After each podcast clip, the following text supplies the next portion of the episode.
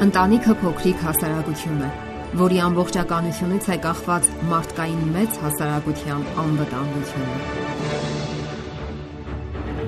Ընտանիք հաղորդաշարը կօգնի ձեզ իմանալու ընտանեկան երջանկության գաղտնիքները եւ ընտանիքում հասնել բարօրության եւ երջանկության։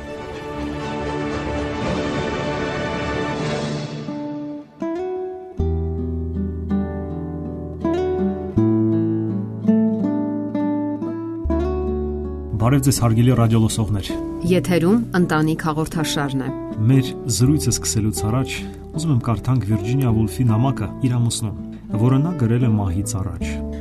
Միայն մի բան եմ ուզում ասել։ Այն է, որ պարտական եմ քեզ իմ կյանքի երջանկության համար։ Դու ինձ հետ լիովին համբերատար ես եղել եւ աներևակայելի բարի։ Ուզում եմ ասել, որ բոլորը գիտեն այդ մասին։ Եթե ինչ որ մեկը ինձ պահպանել է, դա դու ես եղել Ամեն ինչ հեռացել է ինձնից, բացի քո անտարակույս բարությունից։ Չեմ կարծում, որ երկու մարդ ավելի երջանիկ են եղել, քան մենք։ Իսկ դուք, սիրելի ունկնդիրներ, ինչպես եք գնահատում ձեր ամուսնական հարաբերությունները։ Իմացեք, որ ամուսինները յուրաքանչյուր պահի կարող են պայքարել հարաբերությունների բարելավման համար։ Դա գործընթաց է, որը երբեք չի դադարում, եթե իհարկե ցանկություն կա։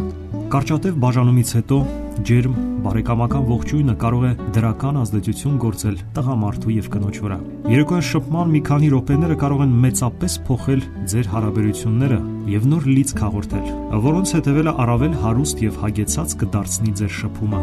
Ամենից առաջ մտովի պատկերացրեք ձեր հանդիպումը եւ թե ինչպես եք դիմավորելու նրան։ Մտածեք ինչ որ հաճելի բանի մասին։ Քիչ չեն այն զույգերը, ովքեր ծրագրավորում են, թե ինչպես դուրս թափեն իրենց բացասական հույզերը եւ դրանք պարպեն դիմացինի վրա։ Դրա փոխարեն աշխատեք հիշել եւ մտովի պատմել անցյալ օրից որևէ դրական դեպք կամ իրադարձություն, որի մասին ցանկանում եք խոսել ձեր ամուսնու հետ։ Հարցերը, հեռախոսային զանգերը կամ ոչ էական հիմնախնդիրները կարելի է քննարկել ավելի ուշ։ Ճանապարհին մտածեք, թե ինչպես կարող եք իսկապես օրհնություն դառնալ ձեր ամուսնու համար։ Երբեմն կարճ նախնական զանգը կարող է օգնել կարգավորելու հանդիպումը։ Դե կարծում եմ շատ բան այստեղ կախված է ստեղծագործական մոտեցումից։ Նաև անհրաժեշտ է քննել ձեր արտակինը։ Սա եւս կարևոր պահ է։ Միմյանց վրա նետած առաջին հայացքը մեծ ազդեցություն է գործում ձեր ողջ վարքագծի վրա ողջ հետագա երեկոյի ընթացքում։ Կինը կարող է կոկիկ եւ խնամքով հակնված դիմավորել ամուսնուն,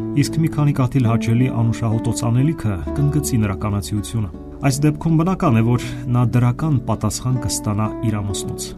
Տղամարդիկ նույնպես կարող են հաճելի տեսքով ներկայանալ կնոջը։ Թափթփված, ճմրթված հագուստը, կեղտոտ, ոչ կոկի կարտակինը, տհաճ հոտերը հաստատ դրական չեն ազդում։ Լոգանքը, սանրվածքը, սափրված դեմքը եւ համապատասխան լոսյոնը անկասկած դրական տրամադրություն կստեղծեն։ Մարդու արտաքին տեսքը շատ բան կարող է պատմել այն մասին, թե ինչպես է վերաբերվում նա իրեն եւ իր զուգընկերոջը։ Մի խոսքով, աշխատեք գրավիչ տեսք ունենալ միմյանց համար։ Նշենք նաեւ մյուս կարևոր պահը՝ ժպիտը։ Ժպտացեք ձեր ամուսնուն, երբ հանդիպում եք որոշակի անջատումից հետո։ Ժպիտը ցույց է տալիս, որ այդ մարդը կարևոր նշանակություն ունի ձեզ համար, իսկ ամուսինների դեպքում դա ավելին է, քան կարևորությունը։ Այո, ժպիտը շատ ավելի հրաշալի կարող է ասել ես քեզ սիրում եմ, քան ցանկացած նվեր։ Ժպտացեք միշտ པարզ եւ անկեղծ։ Ժպտացեք, եթե նույնիսկ ցանկություն կամ տրամադրություն չունեք։ Բոլոր դեպքերում իհարկե կարևոր է անկեղծությունը, սակայն կարևոր է նաև տրամադրվելը եւ կամային ջանքեր գործադրելը։ Հիշեք նաև երեկոյան րոպեների մասին։ Եթե դուք այդ ընթացքում տրամադրվեք, ջանքեր գործադրեք եւ ժպիտով դիմավորեք ամուսնուն, ապա ողջ հետագա ընթացքում դրական մթնոլորտ կապահովեք։ Դրանից հետո դրական հույզերը ինքնին կծնվեն, իսկ բացասականները կմարեն։ Դուք իհարկե կարող եք վատ վիճակում լինել, սակայն միասին կարող եք տրամադրվել համատեղ ջանքերով լուծելու ցանկացած հիմնախնդիր։ Լավ, անցնենք առաջ եւ ասենք, որ հաջորդ քայլը գրկախառնությունը եւ համբուրվելն է։ Երբ ողջունում եք միմյանց, գրկեք, իսկ թեթևակի համբուրվելը միանգամայն ջերմ եւ անկաշկանդ մտնոլորտ կստեղծի։ Իսկ եթե համբուրվելը ձեր ոճի մեջ չի մտնում, դա արդարացում չէ։ Գտեք ձեր ոճին համապատասխան ֆիզիկական շփման մեկ այլ ձև։ Կարող եք բռնել ձեր սիրելիի ձեռքը, շոյել կամ փաղաքշել։ Պարզապես արեք ինչ-որ բան, որը կտրամադրի հետագա հիանալի շփմանը։ Հաջորդ պահը, որը եւս անկարևոր չէ։ Ինչ որ հաճելի բան ասացեք ձեր ամուսնուն։ Շատերը հաճախ ողջույնի փոխարեն ասում են. Դու խանութ մտար կամ ուսի վրայով հենց այնպես նետում են։ Ողջույն։ Փորձեք դիմավորել ամուսնուն որևէ հաճելի խոսքով։ Մտածեք հետաքրքիր եւ անկեղծ հաճոյախոսություն ասել։ Այն շատ տեղին կլինի։ Կարող եք պատմել նաև օրվա ընթացքում ձեզ հետ տեղի ունեցած որևէ հետաքրքիր կամ զվարճալի դեպք։ Մտածեք, ինչպես շփհատը մեկ անգամ ողջուներ ինչ որ անսովոր ձևով, առանձնահատուկ, փոքրիկ անակնկալ պատրաստեք։ Այդ բոլորը մի ենթատեքստ պետք է ունենան։ Դու ինձ համար առանձնահատուկ մարդ ես, եւ ես սիրում եմ քեզ։ Փորձելով ամփոփել ասենք, որ նախքան որևէ ընտանեկան հիմնախնդիր լուծելը, նախ հնարավորություն տվեք միմյանց թուլանալու Եթե մարդը մտնում է տուն եւ տեսնում, թե ինչպես են երեխաները աղմուկ աղաղակ սարքել տանը, հիստերիկ բղավում է հերոստացույցը, իսկ շուրջ բոլորը անկարգություն է թակավորում, ապա նրա միակ ցանկությունը այդպիսի տնից արագ դուրս փախչելն է։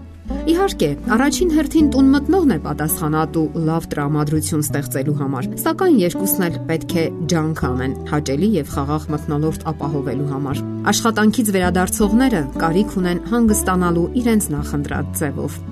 Մեկի համար դա երեխաների հետ խաղն է, մյուսը կարող է 10-15 րոպե երաժշտություն լսել։ Իսկ բոլոր դեպքերում կարող եք դիմացինին ասել ձեր ցանկությունների եւ նախասիրությունների մասին, թե ինչպես կցանկանայիք հանգստանալ եւ իհարկե պետք է ընթառաջ գնալ միմյանց։ Շատերն այն կարծիքին են, որ մեր ամենօրյա վարքագիծը, շարժու ձևը ոչ մի նշանակություն չունեն, սակայն փաստ է, որ յուրաքանչյուր օր մենք աննկատ, սակայն զգալի տպավորություն ենք գործում մեր զուգընկերոջ վրա եւ դա ազդում է նրա վրա ամբողջ օրը։ Նաեւ ասենք, որ այն զույգերը, ովքեր չեն ջանում, չեն հրաժարվում տհաճ բարերից ու արտահայտություններից, ցավոք ի վերջո հեռանում են իրարից։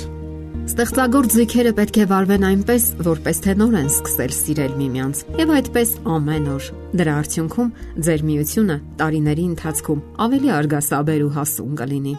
Խոր բարեկամությունը կախարդական մագնիսի նման միմյանց կձգի ամուսիններին, եւ նրանք միասին կանցնեն իրենց գրավիչ եւ երկարատև ճանապարհորդությունը կյանքի գետով։ Դա է միասնության եւ ամուսնական կապվածության տանող ճշմարիտ ուղին։ Եթերում ընտանիք հաղորդաշարներ։ Ձեզ հետ էին Վիգեն Նանագուլյանը եւ Գեղեցիկ Մարտիրոսյանը։